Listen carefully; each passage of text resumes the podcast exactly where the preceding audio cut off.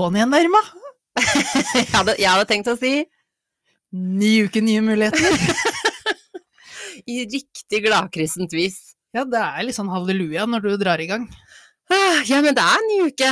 Og jeg er veldig spent, fordi du har jo, eh, du har jo liksom forhåndsadvart meg at du hadde noe å fortelle som skulle være veldig, veldig spennende for meg Ja. i forhold til din uke denne uken. Så nå, nå, vi, nå er vi live, så nå må du si det. Nå må jeg si det. Ja, for jeg har jo egentlig hatt en veldig rolig uke. Jeg har hatt ferie, og planen min var veldig enkelt. Se Tour de France. Og så kommer jo værgudene og gir meg godt vær. Og det er Mhm. håpløst. Det, det, det trengte jeg ikke denne uka her. Jeg skulle ha drittvær, sånn at jeg kunne med god samvittighet fortelle meg selv du kan sitte inne og se Tour de France. Eh, så det var jo det jeg stort sett gjorde, selv om det var godt vær. Men Ja.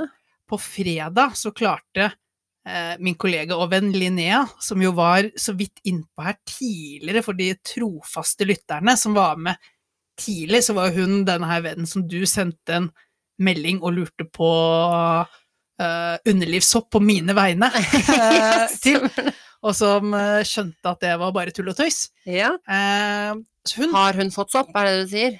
eh, hun har ikke fått sopp, og ikke hussopp heller, for de pusser opp, og da skal de ha nye møbler.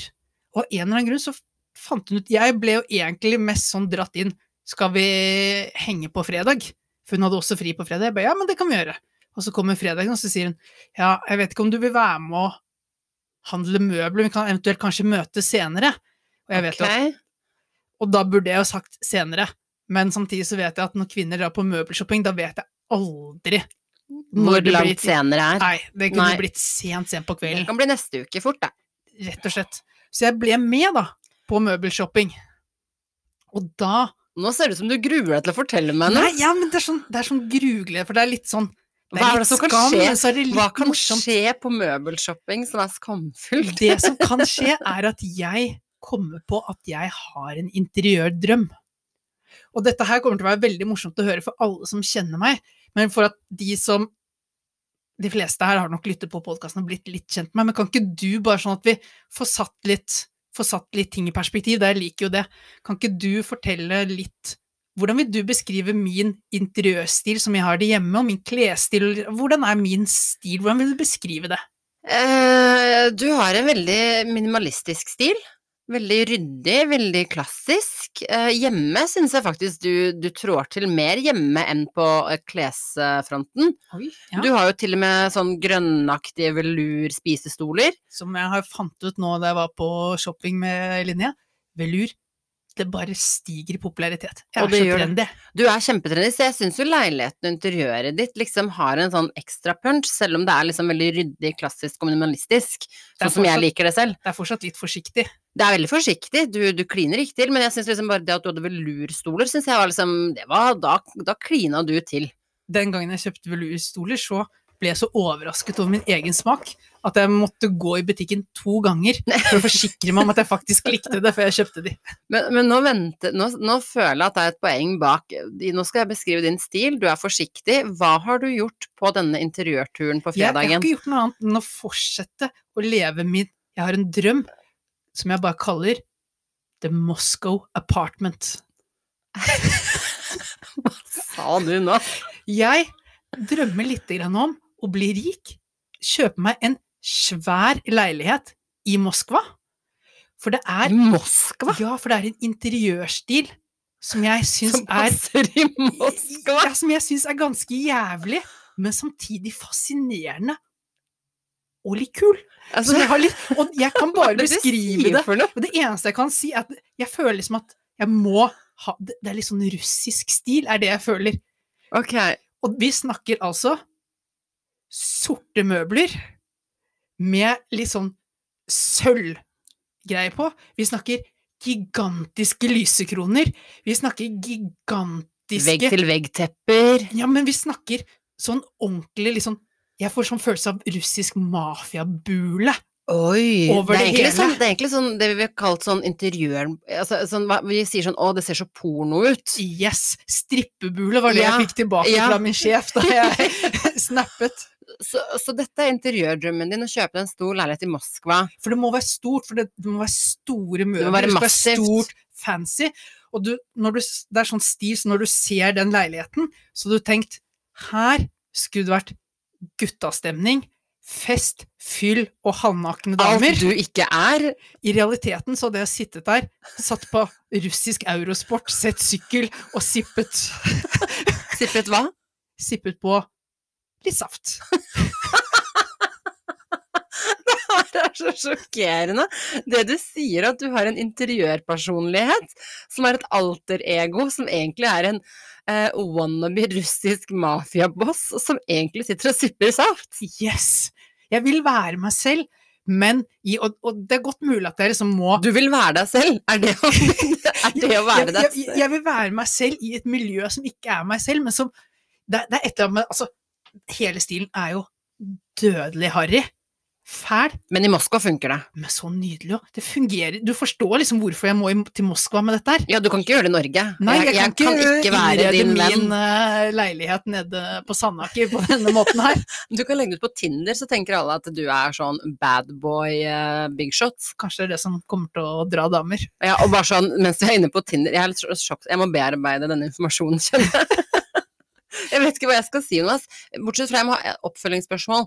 Har du på denne interiørturen på fredag kjøpt tilsvarende interiørting, hilsen Moskva-leiligheten, som du tenker du skal ha i din leilighet nå? Jeg har ikke kjøpt noe som helst. Men du har veldig lyst til det? Jeg har lyst til å ha denne Moskva-leiligheten som jeg kan innrede med disse tingene. Og det, det er så gyselige ting. Det er så svære lysekroner. Det er altså sånne lamper som alt er sånn massivt. Ja, og sånne lamper som er sånn i massiv, og det skal være liksom massiv uh, metall, ikke sant? Jeg ser stilen for ser meg når du ja, Ja, ja, Og så kan du tenke deg, du kan tenke deg det som egentlig er laget som en stuelampe. Mhm. Det skal være nattbordslampe. For sengen skal være massiv og svær, så du trenger en stuelampe som nattbordslampe, liksom. Det er så det er det rareste jeg har hørt. Altså, du, du, du, du sjokkerer Du skremmer meg ganske ofte. Det, kan, det må jeg få sagt, dette er en av gangene. Ja, det forstår jeg. Det er derfor jeg, jeg ville spare denne. Du har noen sånne skjulte alter-egoer som jeg tenker vi må få, få mer av. Og det som er så morsomt, jeg har jo ikke tenkt på dette her på Og så skal du sippe saft. Det er kanskje det mest sjokkerende. jeg orker ikke. Nei, for dette har jeg jo ikke tenkt på på ett og et halvt år. Det var da jeg innredet min egen leilighet. Liksom. Det var da jeg sist Men du har undertrykt alter-ego-russeren Ja, i deg. det er ikke noe som lever i det daglige, men med en gang jeg kommer inn i en møbelbutikk, bare Jeg må finne jeg må finne, må finne greiene Moskva. til min Moskva Apartment. For de har alltid sånt lite hjørne av møbelbutikken med ting som bare passer en Moskva Apartment. En annen ting, bare som mens vi drar stereotypisk, er du som er livredd for konflikt og konfrontasjon, skal bo i Moskva med så mange sinte russere som løper rundt i gatene. Det er også veldig morsomt syn. si. men jeg skal jo bare sitte inne i denne praktfulle leiligheten min. Det er så dumt, Jonas. Åh, nei, hvis jeg blir rik noen gang, så skal jeg kjøpe en sånn leilighet til deg i Oslo, faktisk. I Oslo! Oi! Ja, jeg tør ikke å sette av gårde i, i Moskva, jeg tror ikke jeg får se deg igjen. Ja, men det var gøy at du delte. Jeg vil ha flere sånne alter ego-historier. Jeg syns det er litt skremmende, men, men litt gøy. Ja, for det er eh, jeg skal, jeg, Hvis jeg kommer på flere, så skal jeg prøve å være flink til å dele de her på podkasten. Ja, for jeg ble litt redd når du sendte meg melding og sa jeg skal fortelle om noe spennende i poden. Eh, om min interiørdrøm. Så tenkte jeg nå har du fått hjernedrypp, nå skjønner jeg ingenting. Men jeg er med, jeg er med i tankeprosessen. Ja. Det var så godt, og da kan du også tenke neste gang du er i møbelbutikk, og du ser noe som du føler passer ikke dette inn i stilen, send meg et bilde. Skal ikke være med på denne syke drømmen din.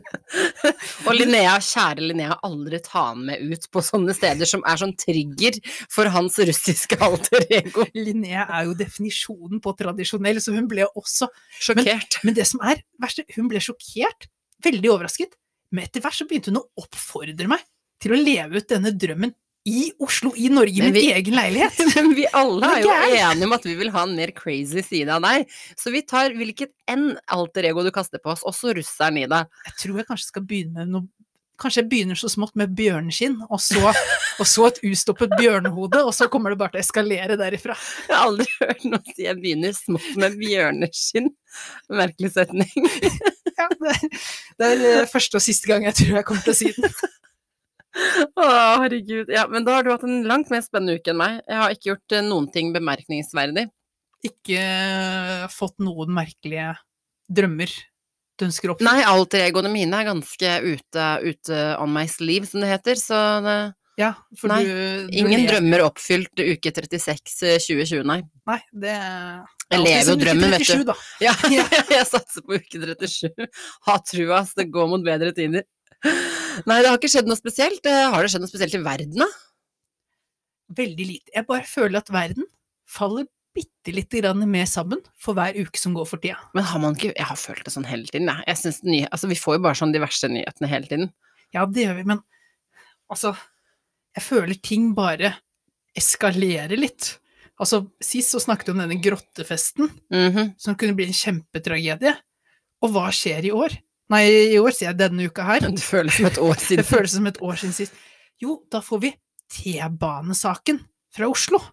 T-banegate. T-banegate, hvor det altså det T-banevogn fylt med mennesker, stappfullt. Det er ikke snakk om én meters avstand, og det er ikke snakk om edru mennesker, men de er jo på vei Men det er jo første feil, da. Hvorfor er alle disse menneskene så tett på hverandre i en T-bane når de ikke skal være det? Det er vel fordi det, klokka begynner å nærme seg tolv, da, og Mm. uteserveringen stenger. Alle må hjem, Hjem, mm. slash på nach Ja. samtidig. Og så blir det fullt, og det er noen som klarer å utløse brannslukkingsapparat, panikken tar seg, de trekker i nødbremsen, mens T-banen, som jeg forstår, fortsatt så vidt triller av gårde, så begynner folk å hoppe ut av T-banevognen. Vi snakker jo Men åpner dører seg på T-banen mens den er i Det fart? gjør visst det, hvis Er det ikke trekker i nødbrems. det her, Hvis du tar i sånn der nødhåndtak, så skal, gjør det visst det. Og det er sikkert på grunn av at hvis det begynner å brenne og sånn, så kan Så du ikke du vente, åpne, ja. og, ja, som uh, føreren ikke ser. Men da hopper det ut, og vi snakker jo strømførende skinner, fulle mennesker. Som eh, raver rundt på det? Ja, det går jo Det er jo litt heldigvis- kleint at Oslofolket skal dø ut fordi vi ble gassa i hjel i en grotte og døde av eh, strømsjokk på uh, trikkeskinner. Ja, jeg er helt enig. Kan vi, kan vi hver sin dø av litt viktigere ting enn det? Det blir sånn derre Vi må etterlate oss et litt større, et litt større, hva skal jeg si Svartedauden hadde litt mer bang over seg. Ja. Svartedauden, bang, vi dør av sykdommen. Så går det en del, Utenfor vår kontroll. så går det en del hundre år. Bang! Vi gassa Corona. oss selv i hjel på fest. Da gassa vi oss selv i hjel, og vi elektrosjokka oss selv. Ja. Så vet du hva jeg har tenkt nå denne uka her? Hva da? Vi må finne tilbake til noe. Oi. For, øh, Vi må finne tilbake til loven min. Oi! Den derre Karmaloven. karmaloven, den må du gjenta. Det er lenge siden Altså, jeg har snakket om. Straffen må stå i stil med forbrytelsen du utgjør. Og i stil så mener jeg ikke at straffen skal lengden på straff som skal matche alvorlighetsgraden. Hvordan vil du straffe en. T-banegate? Nei, de må jo Det har tydeligvis brutt alle smittevernregler. De burde i ti dagers karantene. Alle får i ti dagers karantene i en T-banevogn. Ja, så må du presse deg inn i den T-banevogna og være vill og gær, så kan du leve der i ti dager. Og der må du sitte i ti dager. Og så tenker det samme grottefolket. Du putter dem inn i en gassa grotte i ti dager. Ti dager. Kanskje, kanskje vi kan ha gjennomtrekk et par timer da, før vi drar det inn igjen, men det er jo fair. Altså, du må ta konsekvenser. Skal du ned i en grotte, ta risiko for å ha det kult, Jeg er så må du Da må du Altså, Jeg elsker karmaloven, den er fin. ja, det er jo liksom der If you can't stand the heat, get out of the kitchen. Og det er sånn If you can't stand the kullos, Get out of the you shouldn't go into the grotte. Get out of the grotta. Ja, så nå, nå er det sånn der Så Rave Cave kan bli til uh... I dag har du slaget. Det Ja, skal du altså, ha. jeg, det er, det er Men jeg er stemmer. form. Du er den eneste som er i form på en mandag. Det skal Ja. Nei, jeg, jeg stemmer for karmaloven. Jeg er enig. Du skal liksom sitte i møkka di. Du skal det. Og her Ja. er det veldig spesifikt. De har tulla det sånn til. Og da er det rett og slett er det bare å ha på Da er det å sette på et aggregat på utsiden av grotta, sånn at de ikke kan gå ut uten å bli gassa ned. Og de setter på strømmen på skinnet, sånn at de ikke kan gå ut av den vognen uten å bli elektrosjokket. Bli der ti dager sammen. Eller gå ut og bli elektrosjokket. Yes. Elektrosjokket. Karmalov. Karmalov. Etter det, fritt. Ut i Det kan hende vi må starte et eget parti. Kjør på. Altså, du skal, ikke, du skal du skal ikke tulle med det når uh... Når MDG og alle andre har starta. Det er plass Da- for alle. Altså, plutselig så får vi en telefon fra dette her bompartiet. Bomparti. bare Dette tre trekker ikke så mange folk lenger. Vi har hørt på podkasten deres, og det her eh, Karmaloven. det tror jeg neste som skal trekke Det er buzzword som Stemmer kunne fungert i en sånn kampanje. Jeg tror det. Ja. Uh, ok, over til noe annet. Mista helt oversikt, du har satt meg litt ut i dag. Det er Eh, ikke ofte jeg setter deg ut. Det pleier mye oftere å være du som setter meg ut. men i dag er du virkelig i slaget. I dag har noe skjedd med deg, jeg vet ikke hva. Har du sprita opp saften min? Det vil ikke jeg snakke om, ingen Nei. kommentar. Har en mistanke. Jeg har tenkt å ta igjen på deg, eh, og nå tenker jeg nå kan jeg jekke deg litt ned også. Og siden du er ganske skråsikker her du sitter, eh, hilsen de første 15 minuttene av podden, så skal du få lov å fortsette med det. Bare på mine premisser. Ja, Du- nå er vi tilbake til at det er ubehagelig for meg. Nå er det ubehagelig for deg. Eh, Jeg vet ikke hvor ubehagelig det blir, men du skal i hvert fall måtte jobbe litt. Du ba jo meg være sykkelkommentator, som er kanskje det rareste jeg har gjort, og det var ingen verdi i det. Det, er, det har hatt en utrolig verdi. For folk har aldri hørt deg være så spak når du har snakket noensinne. Det har vært en, det har vært en, det har vært en drøm for mange, tror jeg. Og den har de fått oppfylt gjennom sykkelkommenteringen. Så det, der tror jeg har vi gjort samfunnsnytte. Ja, for jeg ble litt inspirert. Aftenposten er ute med sånn eh, kampanje nå, hvor det er sånn du lider av skråsikkerhet. Og det er jo helt riktig at vi i dag er veldig sånn, vi mener mye om alt, og liksom er veldig skråsikre på ting vi egentlig ikke vet så mye om. Jeg gjør det selv hver dag. Ja. Så nå skal du få lov å fortsette skråsikkerheten din, for nå har du vært ganske up there hele veien her nå. Men jeg skal quize deg, jeg skal stille deg et spørsmål, her er reglene. Jeg stiller deg et spørsmål, og jeg må ha en overbevisende, skråsikker ja, nei, fordi.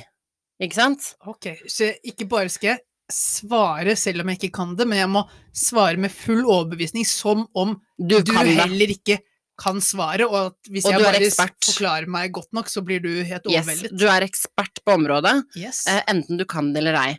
Og dette er da temaer som er mer innenfor mitt felt eh, enn det er ditt felt. Det er ikke sykkel, for eksempel. Kommer det noe om eh, russisk mafia i interiørstil? Nei. Ai, ai, ai. Så nå begynner jeg første spørsmål, og så Du må liksom utbrodere litt. Ok, jeg skal gjøre så godt jeg På, kan. på stående fot. Tenk om jeg kan, da. Det hadde vært morsomt. Det Vi får se.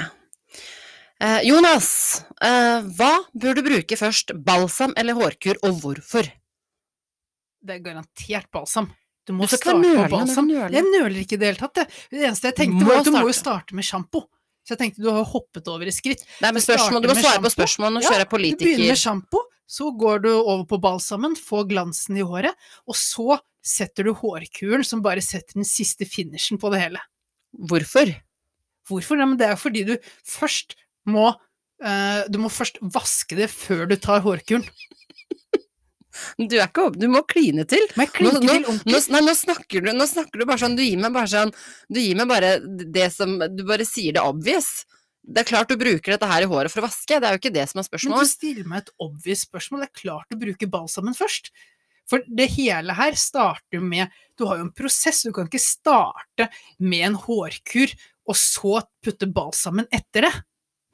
Fordi Nei, fordi da, da, da, da får du ikke Da får du ikke effekten ut av hårkuren. Hårkuren må være til slutt. Du kan ikke begynne å puste masse kjemikalier på toppen av masse kjemikalier som er i hårkuren.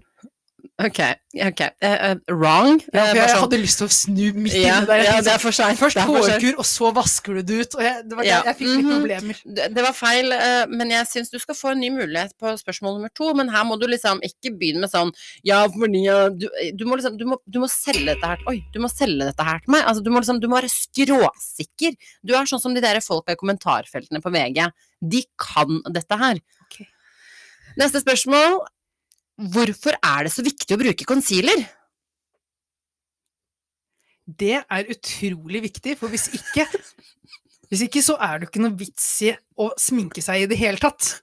Dette her er jo ikke bare prikken over i-en, dette er selve i-en i sminkeprosessen. Fordi Fordi dette her er det som rammer inn ansiktet ditt. Alt annet er liksom Det er å pusse på og finjustere sluttresultatet, men dette her er noe som virkelig rammer inn ansiktet ditt totalt. Det er selve byggeprosessen, selve formingen. Og det ville vært helt håpløst å ikke bruke det. Det var bra. Det var bra. Jeg elsker at concealer rammer inn ansiktet ditt. Jeg håper det har noe med sminke å gjøre. Det, Det har med sminke, men det rammer ikke an ansiktet. Er Man putter det typisk under øya og på, og på urenheter. Det rammer ikke inn noen ting, sånn per Ja, men sånn sett så rammer du inn eh, øynene okay, dine. og vi går videre. Ikke- Ikke begynn nå å forsvare din posisjon. rammer inn øynene dine. Det var det jeg mente med ansiktet. Ansiktet er øynene. Det er vinduet inn til ansiktet. Men nå er du veldig overbevisende, så det her begynner å bli bra. Så spørsmål tre regner jeg med du nailer. Hvor brukes top, topcoat, og hvorfor er den så viktig? Topcoaten brukes jo som en topp. Altså, det er jo en coat for toppen din. Og grunnen til at du må ha den utenpå, er jo rett og slett fordi det kan bli kaldt. Altså, dere kvinner fryser konstant. Jeg har aldri hørt en kvinne klage over at det er for varmt noen gang. Når, men samtidig så skal dere være pene og sexy, og dermed gå i topper. Noen ganger for korte til at det holder dere varme, og da trenger dere en jakke rundt det. Topcoat.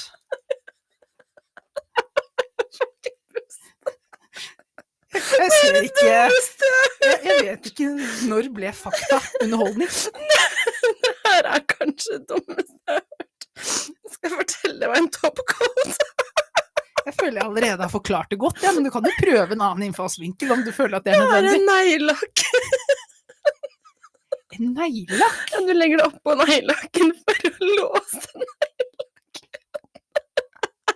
Å låse neglelakken? Du har jo allerede tatt på neglelakk, det er jo noe som er på toppen av neglen. Skal du ha noe på toppen av toppen av neglen? Men greit, det var en topp vi fryser så fælt. Ok, så det siste spørsmål. Og det er litt sånn lett- lettevektig spørsmål, så jeg antar at du kan blir Trenger du et minutt? Nei, nå må vi kline til. Det her kan du garantert svare på, håper jeg.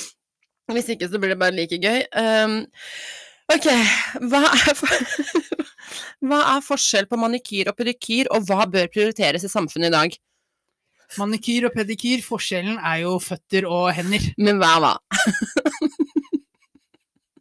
Manikyr er jo på henda, og pedikyr er på beina. Ja, det var det jeg håpa du Ja. visste. Og hva, hva bør prioriteres, og det hvorfor? er jo manikyr, det er jo hendene. Og det er jo ene og alene på at man har ingen business i å putte tærne i trynet på folk.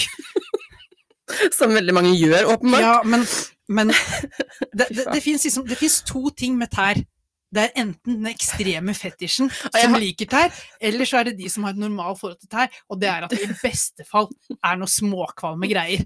Så hvorfor i alle dager Hvis du noen gang blir bedt om å vise tærne dine, så løp. Men vi har, vi har jo sandaler på oss, vi damer, da, så sånn sett er det greit. Jeg kjøper Ok, den siste, den naila du. Eh, men jeg syns faktisk topcoat var kanskje noe av det bedre jeg har hørt ever. Jeg, jeg, jeg føler at jeg har pitchet en designer i det her. Ja, og jeg føler at den En quizen her er starten på en ny spalte som skal um, Jonas utvikles. Gjetter eller uh, Jonas Jonas er skråsikker. Jonas er skråsikker. Jonas lider av skråsikkerhet. Å ja. ja, den er Ja. fin.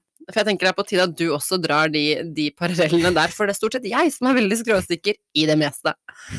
Å, det var gøy. Oh. Takk, for, takk for det, Jonas. Vær så god. Jeg ble litt varm. Jeg liker ikke å ha feil, og jeg liker Hvis jeg ikke du vet, var så liker jeg å innrømme at jeg ikke vet. Ja, jeg vet. Eller, og da er det ekstra gøy at du at jeg ikke vet. og da er det ekstra gøy at du ikke får lov til det. Ja, det er fælt. At du må late som. Og jeg syns det første spørsmålet jeg så hvor stressa du var der, men andre og tredje, da tok det seg opp. Tok Så dette ja, det kan bli veldig bra. Mm -hmm. Så nå må jeg hente meg inn litt, kjenner jeg. Vi skal jo eh, videre. Yes. Hva er neste punkt på lista? Kan vi kjøre et litt sånn tema til, som vi hadde i forrunde? I forrunde så tok jo selvtillit, selvbilde, selvfølelse. Det tok nesten hele podden. Nå har vi ikke like mye tid, men kan ikke kjøre en sånn liten mini-temautgave? Jo, dagens tema er, Jonas, Frykt. frykt. Ja, frykt, Irma. Oi, oi, oi, har du planlagt noe der? Jeg har planlagt litt Grunnen til at jeg er så fascinert av frykt, er å jeg beklager, altså, jeg er i Tour de France-bobla. Alle metaforene mine kommer til å være sykkelrelaterte, så jeg må dra en sykkelrelatert metafor her også. Frykt er jo som bremsen på en sykkel. Det er jo helt nødvendig for ikke å falle om og dø. Du trenger litt brems. Du trenger brems. Du må kunne bremse her i livet. Du må, når det kommer noe farlig, så må du bremse ned. Men så kan jo frykt også bli en utfordring hvis du har for mye brems. Altså det er ingen som ønsker at bremsen skal touche inn på hjulet hele tiden, sånn at når du sykler så må du tråkke ekstra hardt fordi du egentlig bremser konstant. Det var bra sånn, litt, sånn er frykten litt, at frykten er jo den som har holdt oss i live i Mm. alle disse år, fra vi var hulemenn ute i naturen, måtte passe oss for andre dyr. Altså, vi var ikke øverst i næringskjeden nødvendigvis. Eh, Det har holdt oss ved live, og vi trenger fortsatt frykt den dag i dag. Altså, frykt Ja. var jo det som reddet disse her nede i hulen, for eksempel, på Rave Cave. Det var jo den frykten av å ikke få puste, at Og du noe bare- var galt, på en Noe måte. Man er kjenner på magefølelsen, ja. panikken slår inn, vi må gjøre noe. Det er det som er frykten. Når den slår inn, så er den liksom Den overstiger alt, den knocker ut alt annet og tar kontroll. Ja. Utfordringen er jo når frykten blir en for stor del av livet. Og da snakker vi jo både frykt i at man kanskje er redd for å gjøre ting som holder en tilbake. Vi snakker Hoppe i fallskjerm. Ja, jeg tenker mer sånn det er dagligdags, da, at du kanskje Kanskje frykt for å snakke foran andre mennesker gjør at du Ah, ikke tar muligheter, og ikke får muligheter, eller setting, sosial mm. setting gjør at du ikke at du ikke lever et så godt liv som du kunne gjort. Mm. Så har du disse ekstreme, der hvor redselen har gått, blitt til det ekstreme. For det er sånn du unngår det for all del, og da begynner vi å snakke fobier. Vi kan snakke slanger, edderkopper, Yes, jeg rekker opp hånda på det greiene der. Yes. Og du har nummer tre, hvor du har en irrasjonell frykt. Da snakker vi angst. Ja. Eh, og Så angst defineres som en form for irrasjonell frykt, ja, det er nok en litt dypere, mener den dypere definisjonen enn bare det, men det slik jeg oppfatter, så er den at en irrasjonell eller urimelig frykt Mm. er en del av definisjonen på angst. Hva er din største frykt, hvis du skal velge én? Hva er liksom din største frykt i livet? Jeg syns jo før jeg svarer noe, må, skal jeg unngå å være Nå slipper jeg å være skråsikker, så jeg slipper å svare direkte og finne på ting. Jeg kan jo dra Før jeg svarer på det, så kan jeg si at jeg er jo av personlighetstype en som frykter det meste her i livet. Og husk, Vi har vært inne på denne diskanalysen, at jeg var en grønn person tidligere. Og det var så morsomt, jeg leste en sånn bok som heter 'Omgitt av idioter'. Oi, takk skal Som, du ha. ja, det, jeg følte var, begynte å lese den etter at vi poddet. Det passet liksom litt bedre. Eh, men der var det mye sånn beskrivelse av de forskjellige personlighetstypene, og der hvor jeg var, var en sånn som passet veldig bra. At frykt, går rundt og frykter at ting skal gå galt i hverdagen. Så når du kommer hjem, så vil den egentlig bare legge seg under dyna, trekke dyna over hodet og forsvinne litt. Ja. Det er litt uh, meg. ja, men det er jo ikke Jeg tror, jeg tror de aller fleste har jo en, altså, en form i en eller annen grad den type frykt. Man, man er jo, det er jo mye å være redd for. Altså, det er jo lett å være redd. Det er lett å være redd, og det er veldig lett å være redd for det ukjente, da. Først og Mhm. fremst. Men vi er også mye redde for det kjente. Veldig mye redd for det kjente. Eh, Det er, men det er klart, det er jo det som er mye av behandlingen av frykt, handler jo om eksponering. Så Mm. det er jo det der å eksponere oss for det vi frykter mest, er det som Det høres helt fryktelig ut. helbreder oss og driver mm. oss videre, men samtidig så er det også litt hvordan du gjør det, slik jeg har forstått det. For det er, ofte så eksponerer man seg på en litt sånn usunn må- måte. Altså si at du har Jeg vet at du har redd for litt det samme som meg, stup, høyder, Mm. og du, lik, og du liker ikke slanger, edderkopper, de tingene der. ingen måte, nei. Og jeg snakket om, vi fikk jo aldri gjort det, Uh, jo, men jeg snakket jo om, for vi var på sånn badestrand hvor det var en sånn to-tre meter høyt Mm. høy brygge, hvor vi tok jo den her bestemorstrappa ned, begge to. Med rumpa først nedi, Med rumpa og først. seg ut. Og alle som stuper og så skal bruke den trappa til å komme seg opp, ser idiotisk på oss for hva i alle dager er vi driver med. Jeg sa at i løpet av denne sommeren så skulle vi hoppe derifra. Ja. Og det gjorde vi ikke. Men hvis vi hadde gjort det, vi hadde liksom gutsa og mota oss opp, så er jeg sikker på at det vi hadde gjort, hadde vært gått dit, og så hadde vi spent hele kroppen Mm. og lukket øynene og holdt oss for nesa, og gud vet hva vi ikke hadde liksom hoppet uti, og så sprelt oss opp til overflaten, kommet oss så raskt som mulig opp på land, og så langt bort fra vannet som mulig, så fort vi kunne. Eller jeg har omvendt eh, effekt av greiene der. For jeg, jeg tror hvis jeg hadde hoppet fra det stupet, Ja. så tror jeg at jeg hadde vært sånn Å ja, det var ikke stille som jeg har sett for meg i hodet mitt. Så jeg hadde muligens bare vært sånn Nå må jeg gjøre det et par ganger til, bare for å liksom etablere det. Og det er sånn du skal gjøre det, for du må Du skal nesten nyte det. Altså, du skal egentlig, slik jeg forstår, gå mot kanten, så skal du ta det hele innover deg. Oi, det var høyt, ja. Ja, ja, ja, dette her syns jeg ikke er så behagelig. Men så, kaldt og rolig, liksom, bare stupe ut derifra. Men det, problemet mitt når det gjelder høydeskrekk, da Nå er ikke jeg noe sånn ekstrem på det, men det er liksom noen høyder jeg bare virkelig ikke klarer. Ja. Eh, og det er Problemet mitt der er jo at kroppen jeg får, en, altså jeg får en kroppsreaksjon, da, for å kalle det det. Det vil si, jeg kan ikke styre det. Eh, Jeg kan komme dit, og så bare mister jeg følelsen i beina under meg, liksom. Ja. Så hvis jeg, hvis jeg Du blir helt nummen. Jeg blir helt nummen, så det er ikke sikkert jeg klarer å liksom eksponere meg selv for å hoppe utenfor, fordi kroppen bare blokkerer seg, liksom. Du det klarer bare ikke å ta det skrittet. Du klarer ikke å ta det skrittet, så det, er sånn én ting at du kan jobbe på en måte med hodet og tvinge gjennom og prøve å late som og sånne ting, men, men det bare stopper opp på kroppen. Så Ja. jeg tror nok eh, Det er jo selvfølgelig en million forskjellige grader av skrekk og frykt, Ja. eh, og noen kan man jo kjenne at det kan man bearbeide, og så er det andre som er sånn det har ikke noe å si på livskvaliteten min om jeg kan hoppe fra stup eller ikke, Nei. så jeg gir litt beng. Det er ikke Livet ditt blir ikke noe bedre.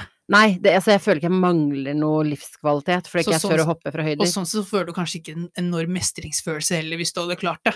For, ja. for det er sånn, ja, det er kjempefint at jeg klarte det, men hva gir det meg? Ja, hva var egentlig opplegget, liksom? Men jeg kan jo si altså, sånn fly Jeg har flyangst. Jeg får ikke lov å si flyskrekk av legen min, fordi definisjonen av flyskrekk er jo at man ikke tør å fly, punktum. Ja. Eh, Og det her snakket vi litt om tidligere også. Jeg flyr jo og har flydd mye, Ja. og gjør det fortsatt. Jeg lar ikke det stoppe meg. Men jeg kan gå på et fly og være altså, dri, altså Jeg blir ikke stressa før jeg sitter i setet, og, og når flyet takser da, ut på banen, ja. da begynner, da begynner liksom den derre eh, Er det triggeren for deg? det er triggeren, og så er det takeoff, som jeg også syns stort sett er veldig ubehagelig. Men når man er over skyene og liksom lyset, beltelyset går av, så er jeg good to go igjen. Da slipper liksom all angsten tak. For da, da, når du svever av gårde, det er ikke det det er, det er at det skal skje et eller annet under takeoff, da. Er det det som Ja, er det er store frykten, liksom- mer enn det å fly i seg selv? Ja, for jeg syns ikke landing er så ekkelt, for eksempel. Å nei. Og det det Hva, hva syns du om turbulens, da? Hvis det, Det liker liker jeg ikke. Da kan jeg gå i sånn panic mode litt inni meg selv. Ja. Eh, og det er fordi at da føler jeg at liksom, takeoff føler jeg er veldig ukontrollert, selv om rasjonalet sier jo at det er jo selvfølgelig kontrollert. Ja. Men det oppleves ikke som kontrollert, fordi det er liksom Det bumper ofte, du blir kasta litt til sida, det svinges, det er liksom Det er mange elementer som skjer samtidig, som ikke føles som det er noe struktur i. Det er som en vanlig kveld ute på dansegulvet. for eksempel. Så, så jeg føler sånn at det ikke er kontrollert på vei opp. Når du kommer over skyene, så er det sånn nå skal man bare sveve. Det vet man at man skal, og det er liksom kontrollert. Ja. Og så kommer turbulensen, og så blir jeg sånn Den kan man heller ikke kontrollere. Eh, så, så alt som på en måte er Alle noe, elementer Det er noe gærent, eller er det som noe noe gærent, ikke, ja. det er som noe som det ikke skal være. Ja, vet pilotene om den turbulensen? Hvor lenge kommer den til å vare? Blir den verre? Mm. Uh, er, det, er det et annet fly over eller under oss som på en måte lager den turbulensen for oss? Er det for nærme? Altså, du blir helt sånn irrasjonell. Du begynner å se du begynner å, Hodet ditt begynner å jobbe, rett og slett, da, etter begynner forklaringer, begynner å tenke. Mm, hva er scenarier. årsaken? Og jeg vet jo hva turbulens er. Jeg er Ja. fullstendig klar over at du kan behandle det på samme måte som eh, Hva heter sånne dumper i veien? Eh, Fartsdumper. fartsdumper. Det er jo en form for fartsdumper i lufta. Så jeg vet jo at det ikke er farlig, men det bare kroppen opplever det som ikke under kontroll. Ja. Og da går jeg inn i litt sånn survival mode. Hvordan er du på berg-og-dal-baner? Tar det ikke. Nei. Velkommen gjengen. Ja, nei, det er ikke snakk om. Det er mange år siden jeg har gjort det. Og jeg har aldri gjort det. Aldri. Aldri. Ja, men det, vet du hva, det, det tenker jeg, det er faktisk greit. Fordi jeg har gjort det da jeg var yngre, eh, og så på et eller annet tidspunkt fikk jeg helt noia for det, og har ikke gjort det siden. Jeg føler ikke at jeg går glipp av noe. Nei. Det- gjør ikke jeg heller. Det hadde gjort meg så vondt å ta det nå, at jeg vet ikke hva jeg skulle gjort av meg. Det hadde vært helt jævlig, faktisk, å sette seg Hvis vi skulle satt oss på Thunder Coaster eller en av de verste på Tusenfryd, det hadde vært Det hadde sittet fryktelig langt inne. Ja, jeg vet. Men jeg har jo, man hører om folk sin frykt, og folk frykter veldig forskjellige ting. Eh, Det er sånn, jeg har blant annet hørt om en jeg kjenner som eh, satte seg på et fly. Eh, Det var en suspekt mann på flyet, opplevde hun. Eh, han oppførte seg sånn som hun tolka det, irrasjonelt. Eh, det var snakk om å kanskje hive han ut, det var ikke noe fyll eller noe sånt, han var bare liksom merkelig, det var noe greier med at han skulle transporteres noe sted. Altså, det var i hvert fall Noe stemte ikke. noe stemte ikke, eh, og hun fikk altså så nøye at dette var en farlig situasjon, til tross for at det var Jeg vet ikke om det er en fange, eller om det er noen som skal transporteres ut, altså jeg vet ikke hvilken type transport det er, men personen satt der da med eh, politifolk. Eh, Så da var den der politifolkene var litt triggeren, da. Det er sikkert det som gjorde at hun dette bet seg virkelig merke den merkelige oppførselen. Ja, ikke sant? Og da blir, det sånn, da blir han plutselig veldig farlig. For alt man vet, da, så har han eh, ranet lokalsjappa og skal transporteres til Bergen for å sone der. Ja. Men det er liksom sånn Det er eh, Jeg vet ikke, jeg tror frykt eh, Jeg tror vi alle har det i oss. Jeg blir kraftig overraska. Det er jo noen folk som er veldig sånn tøffe med at de er ikke redde for noen ting. Ja. Det, jeg kjøper det ikke, ass. Jeg, og det er litt morsomt å høre deg snakke om, om frykt, for jeg tenker jo sånn Hverdagslig så er du et av de mest fryktløse menneskene jeg vet om. Ja, men jeg er ikke redd for mennesker. Nei, Jeg er ikke redd for um... du er ikke redd for å drite deg ut. Du er ikke redd for å ikke lykkes med ting. Føles det som du virkelig Du har liksom ikke den herre Du har ikke den den samme lite- konsekvenstenkingen som det Nei. jeg har, for eksempel. Da. Nei, for jeg, du, sånn som jeg tenker på fly, da, og nå er, nå er det turbulens, herregud, kommer vi til å krasje? Ja. Sånn tenker sikkert du med mennesker, Å nei, nå lykkes ikke jeg med det her, eller nå driter jeg meg ut. Yes. Hvor ille kan dette her bli? Kommer Ja. det til å bli mye verre? Ja. Um, jeg kan, jeg kan kjenne igjen følelsen, men jeg har ikke det problemet liksom, i hverdagslivet, i, i samfunnet, med mennesker, altså alt det greiene der. Det har, jeg, har Så deilig. jeg har lite frykt på det, men uh, alle har vi vårt, da. Ja, det og det er jo akkurat det. det, det Men hva er det du frykter hvis du eksempel eh, Nå skal du Nå skal du Jeg vet ikke, du skal gjøre noe foran mennesker, og så er du sånn Jeg er nesten overbevist om at jeg kommer til å drite meg ut. Hva er liksom Hva er konsekvensanalysen av det som gjør at du frykter det? Det er mye Det er en, mye av den frykten som jeg ikke klarer å analysere. At den bare er der, liksom? Ja, men jeg blir jeg, jeg har en følelse at jeg kan bli litt mye raskere emosjonell, og, emosjonelt overveldet enn det du kan bli. At liksom det kan bare bli for mye plutselige følelser som, er liksom, som bare bygger seg opp, og som bare på en måte lammer kroppen min, da. Og det er liksom alt fra Jeg hater jo for eksempel sånn der dansing, eh, skuespill, de tingene der, syns jeg er sånn Hvor du må by på deg selv, på en måte? man må by litt på seg selv, og jeg tenker jeg kan liksom fint sitte og by på meg selv i podkast, snakke om ting jeg ikke klarer, eh, være skråsikker, altså det Mm. koster meg ikke så fryktelig mye. Men enkelte ting, da, sånn som dansing, skuespill, hvor jeg er helt utenfor komfortsonen, og jeg føler ikke at det gir noen noe.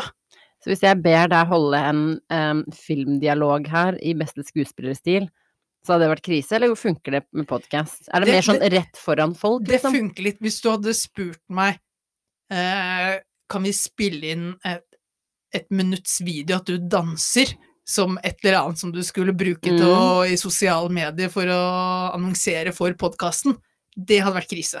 Det hadde vært helt, helt krise. Ja, nå, må, nå må du passe på så ikke du gjør meg sint, for det er akkurat det som må Ja, ja det, men akkurat der Jeg setter ned foten når det går for rått. Og ellers er jo frykt høyder mer, mer liksom stup, altså fallskjerm. Vi kunne ikke Mm.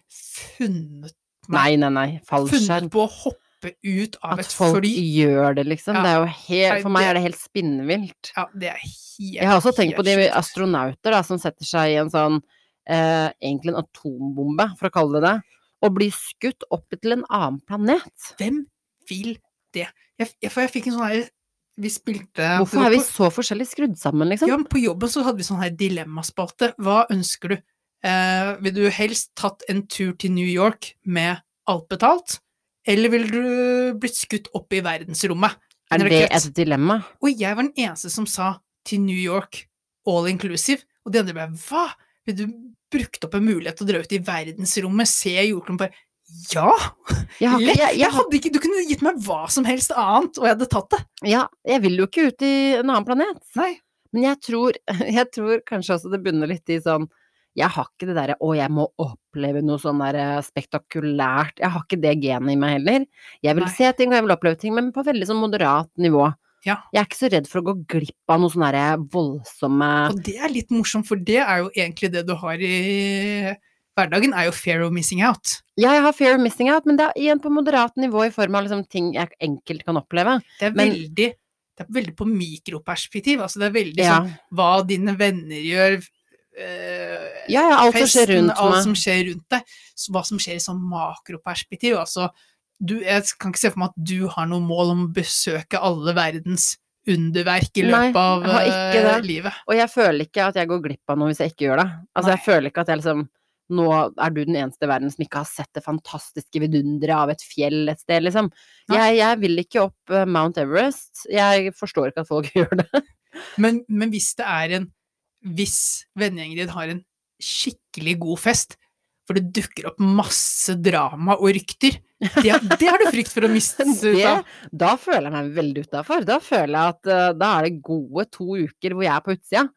Og det kan jeg ikke ha noe av. Det har ikke jeg fått med meg det siste. Så, så det er mer din hverdagsfrykt, da, er jo det der å ikke ikke være med der det skjer, ikke være inne Ja. de interne greiene, de interne vitsene. Eh, vite 'oi, hun gjorde det, han gjorde det', Mm. de Men hva er din største frykt, hvis du skal velge én sånn, hvis det er av alle ting man frykter, da? Altså, hvis det skulle vært én ting jeg frykter, så hadde det vært å ikke ha noe alenetid eller privatliv. Det ville, der ville jeg Oi, det er jo spennende for et forhold, da. ja, ja. Ref, hvorfor uh, Tinder er dårlig greie. Nei, men jeg tenker sånn jeg, Om jeg hadde følt meg kvalt sånn sett, da, i en Mm. sånn setting Altså, det er også en av de verste tingene du kunne gjort, for å sendt meg inn i en sånn Big Brother-opplegg inn i et hus med mange andre, ikke noe privatliv. Jeg hadde, det hadde gått en halv dag, og så hadde jeg stått og skrapet på døren for å komme meg ut. Ja? Jeg hadde jo elsket det, for jeg hadde jo elsket å være stengt inne i et hus med mennesker jeg ikke kjenner, som jeg hadde vært sånn Nå skal jeg liksom forstå gruppedynamikken, jeg skal forstå drama utvikle ja, og hvem, hvordan posisjonerer folk seg i gruppa, hva, oi, hva er liksom greia? Jeg hadde jo syntes det var dritgøy. Ja, jeg hadde bare ventet på liksom det, Jeg hadde gått inn i det her skrifterommet, eller hva det heter, hvor, for der får du sitte for deg selv og bare prate. Jeg hadde sittet der døgnet rundt og Bare slappet av. og, ja, og bare slappet av.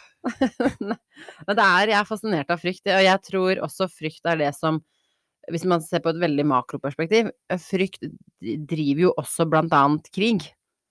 Absolutt. Jeg tror du kommer for å ta meg, derfor må jeg ta deg først. Og vi har jo alltid Altså, vi har jo én frykt de absolutt fleste mennesker deler, og det er jo den dødsangsten. Eller altså Mm. frykten for å dø. Frykten for ikke å overleve. Ja. ja, ikke sant. Og det er jo fordi det er det mest ukjente vi har. Men det derre flyet som ble skutt over, er det Ukraina eller noe sånt? Ja, for Ja. Av militære styrker? Det Ja. passasjerflyet? Ja. Det var jo sånn det, det var liksom Du hadde tre sekunder å tenke på ifølge dem selv, og så skyter du ned et fly uten å ha en bekreftelse på at det ikke er et privat Nei, ikke er et Skyter eh, først, spør etterpå. Ja, fordi man for frykter konsekvensen er så enorm. Ja, for hvis det var et militærfly, så som kan det hende Som slipper en atombombe eller noe, så plutselig er hele Så dør jeg selv. Ja. Så da er det bedre at jeg bare tar det i stedet for. Ja. Så jeg tror veldig mye av det vi, som driver på en måte ondskap, er frykt. Ref eh, mye av diskusjonene som foregår nå. Dette med Sian og alt det greiene der. Yes. Eh, fremmedfrykt er jo definitivt roten til insane mye hat yes. og mye konflikt. Um, religionsfrykt, altså Frykt for det ukjente. Ja. Altså, det har jo Altså, frykt for det ukjente har liksom dratt på både all, all homofilikampen, eh, eh, likestillingskampen, alt det her bunnet ut i frykt for det ukjente. ja. Hvordan er det egentlig om kvinner skal begynne å stemme? Ja, hvordan skal Hvordan skal verden se ut hvis plutselig disse damene skal få lov å stemme? Ja, ja, hva kan de finne på? Ja, hva kan de finne på? Hvordan Det kan- vet vi jo ikke. Hvordan kan det snu, hvordan kan liksom, Og det der å få tilværelsen snudd på hodet, da, den Ja. frykten der tror jeg veldig mange har, å miste tryggheten i hverdagen. Mm, altså du, ja, du endrer en kjemperutine, egentlig. Eh, og med på en måte homofile og den kampen der, så er det jo sånn Å ja, skal de få lov å adoptere? Men hvordan blir verden seende ut da? Skal de liksom Kommer det til å bli lagd barn i det hele tatt? Ja, skal vi slutte å lage Ja. barn? Altså sånn Det er bare, det er bare altså, Å, det er smittsomt, har jeg hørt eh, på TV noen si. Sånn, det er smittsomt, Ja. så hvis, du, hvis to homofile oppdrar et barn, da, så eh, vil det mest sannsynlig påvirke barnet til å bli homofilt. Og da tenker jeg, da er du så langt tilbake i, det i tankeprosessen at det, det, hvordan går du videre det, er det liksom? som er så farlig med frykt, at den kan drive argumentasjon helt utover alle All fornuft. All Ja, ja, ja. fornuft, alt utenfor spekteret. Ja. Jeg vil, ikke, jeg vil ikke at kvinner skal stemme, fordi jeg tror det blir eh, en eh, dårligere verden. Og så og så er det et argument godt nok, nærmest, liksom. Ja, og det er derfor jeg tenker at verden, for å få bedre sted, så må vi jo egentlig snakke mer om frykt, og anerkjenne mer hva som er frykt. Og anerkjenne hvorfor handler jeg som jeg gjør, handler jeg ut av frykt nå? Mm. Og, og sånn sett så er det liksom, det er utrolig mye frykt da, som kan eh, forsvinne gjennom eksponering, eller da, når vi snakker fremmedfrykt og alt det, gjennom opplæring og Det var det jeg skulle si. Jeg tror kunnskap er kuren mot frykt. Jeg tror eh, hvis jeg hadde satt meg på et fly med liksom piloter som sto ved siden av meg, flyvertinner og flyverter, og liksom de hadde liksom virkelig ivaretatt meg på en flytur hvor de liksom så nå skal vi kurere dette her, og nå skal vi holde på en ukes tid, for det finnes jo flykurs Ja. og sånne ting. Så, så tror jeg sånn, da, da på en måte lærer jeg Eksponering med kunnskap. Ja, den lyden der du hører nå er sånn og sånn, ikke sant? Kunnskap Yes. hvis jeg er redd for eh, folk fra andre land fordi de tenker eller eh, oppfører seg eller ser annerledes ut, så er det sånn ok, men bli kjent med dem, da. Dra Eh, hvor skummelt det landet, er det? Ja. Ja, dra til landet, snakk om kulturen, forstå hvorfor de gjør eller tenker som de gjør. Så jeg tror at hvor enn det er konflikt og krig, tror jeg hadde blitt løst med kunnskap, faktisk. Og det er utrolig hvor, eh, hvor lite fokus det er på det. Kunnskap og og det er nettopp det, det som jeg snakket om, det er frykten, når frykten får deg til å forskuttere en handling, da. Altså, du har Når du får frykt, er nesten kan være en sekundær følelse, for du har frykt for å dø. Så egentlig så er det liksom dødsangsten som sitter Mm. Frykten for det. Og alt dette her er jo det, da. Frykt for at naboen din tar livet av deg. Typ frykt for at eh, nabolandene kommer og invaderer deg. Så Mm. det er den frykten hele tiden som gjør at du går Meg i og meg selv først, jeg må beskytte meg selv. Ja, du går i den derre For det er jo det. Frykt, den er jo Du får jo to instinkter. Det er liksom fight or flight. Ja. Altså enten slåss mot det som kommer og frykter, Mm. eller stikke av. Men da, har du, da er det ikke så rart hvis vi putter det opp mot det i USA, for eksempel, hvor det er lov med våpen. Ja. Eh, De aller fleste stedene kan hvem som helst nærmest bære våpen.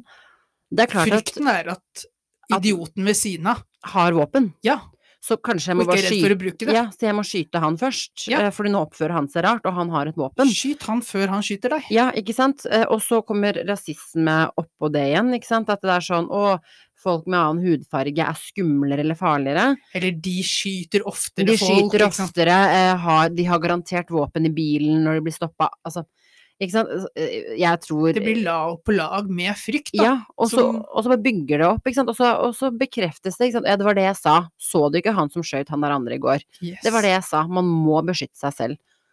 Og hele grunnloven til USA bygger jo på frykt. Altså, la oss være ærlige, den derre uh, Your right to defend yourself. Ja, jeg det, bare ikke ikke guffe opp det. Altså, hvor mye hvor, Altså, You're right to defend yourself. Jeg kan ikke begynne å skyte folk som kommer inn i leiligheten min hver gang noe, noen kommer inn i leiligheten min. Å ja, det er, det er så ofte villfremmede kommer inn i Nei, det er jo ikke det, da, men det skjer jo at jeg får besøk, da, for eksempel. Ja. Som kanskje uanmeldt òg. Jeg er ganske happy med at du ikke skjøt, men åpnet opp døren da jeg ringte på i dag. Det må jeg si. Nei, men det er et spennende tema. Jeg, eh, jeg tror Jeg er glad for at jeg, jeg har ingen frykter som er så store at de påvirker livet mitt.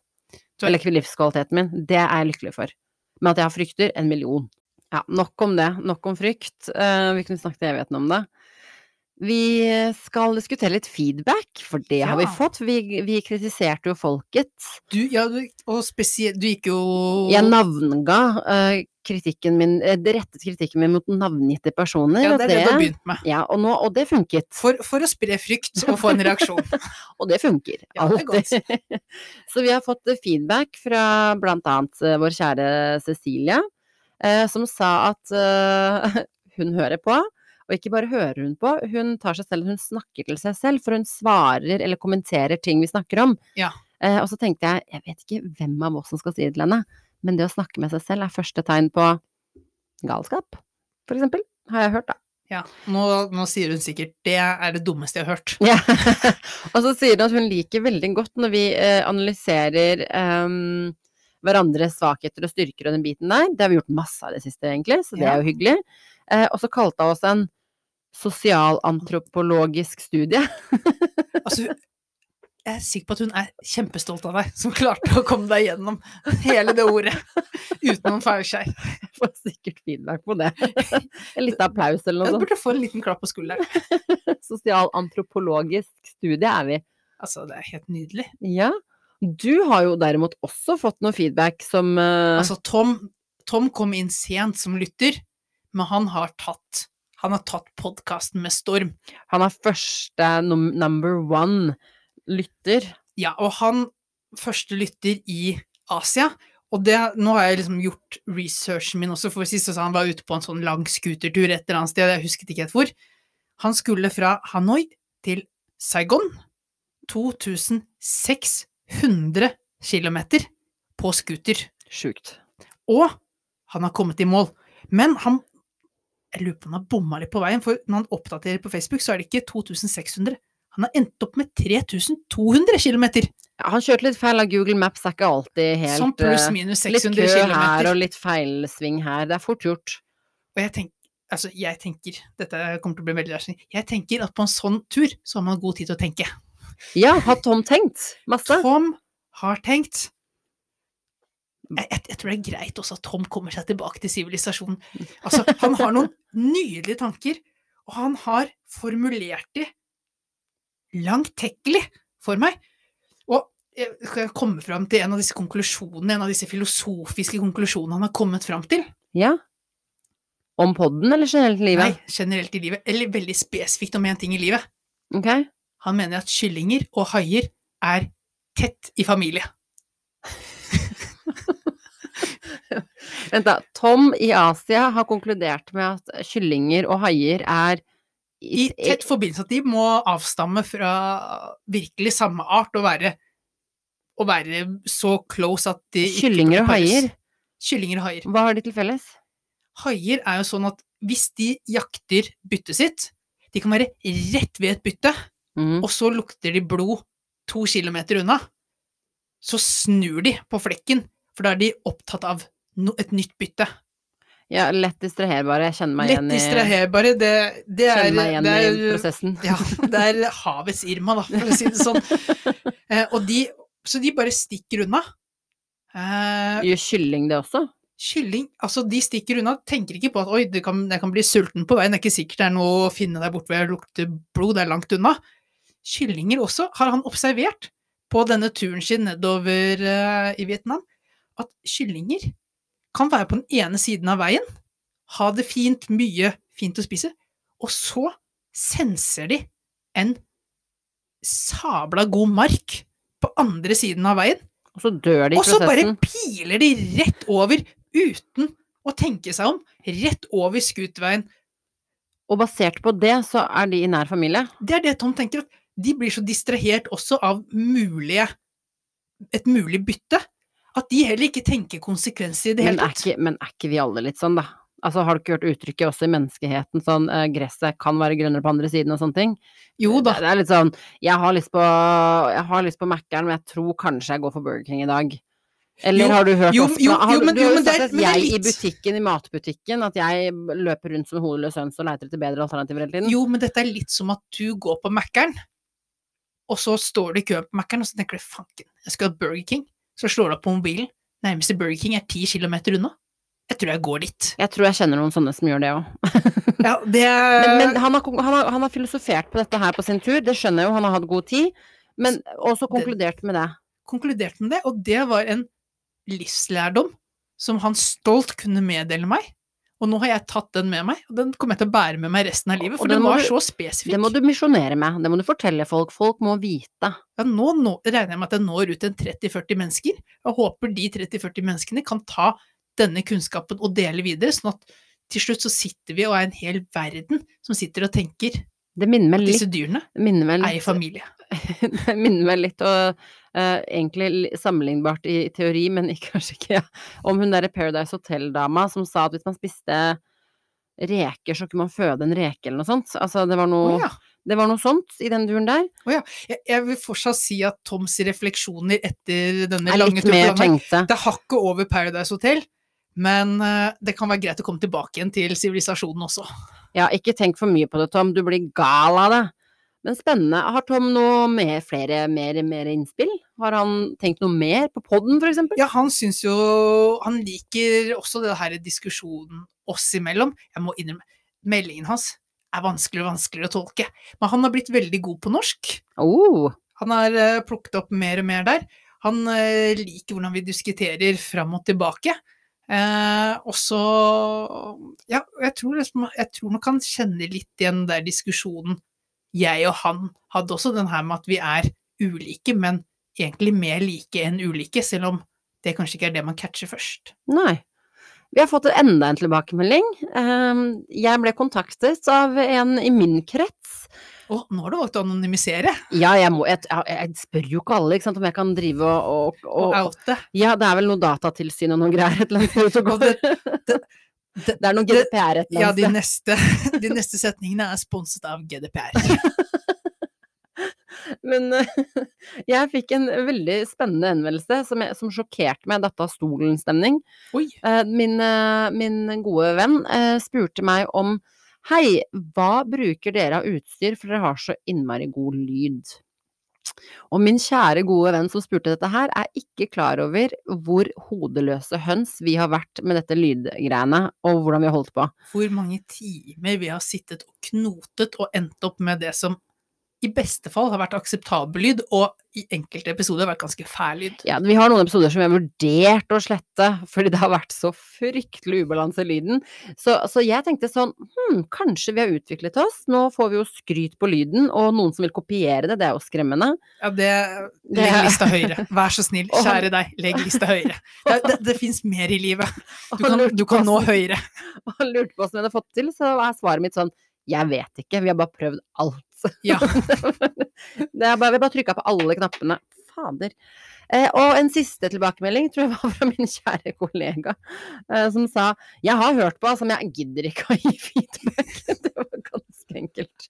Det er, det er lov, det òg. Det skal ikke bli sånn krav. Nei, det er ikke det. Vi må, det er klart vi skal ha feedback. Altså, jo, det er vi må interacte. Men, men, her, men her, her har vi Der kommer igjen våre different approach. Du Different er fram, du er fram med pisken. vi minner, vi minner, vi minner om hun dama i parterapi som er sånn uh, ja, ja, jeg likte det kjempegodt, but I'm, I don't deserve this. It's like, it's too much. Begynner å bli litt for internasjonal. Ja, jeg synes, men jeg syns liksom det begynner å bli enklere å speak English, you know, because it's just Ah. like Men du er fram med pisken i hvert fall. Jeg er fram med gulroten. Sånn, det er kjempefint om dere gir kommentarer. Du navngir folk. Du er, du er klart å du, du går snart ut til offentlig hetsing om, eh, om ikke folk kommenterer. Ja, ja, dette kan bli veldig stygt veldig fort. Gapestokken er åpnet. Men vi håper i hvert fall dere likte dagens episode. Jeg, synes, jeg, håper at lyden nå skal være litt bedre, det er én ting. Og så har jeg har i hvert fall storkost meg denne runden her nå. Det har jeg òg. Så vi får copy, paste, repeat eh, neste tirsdag, og takk for at du lyttet igjen.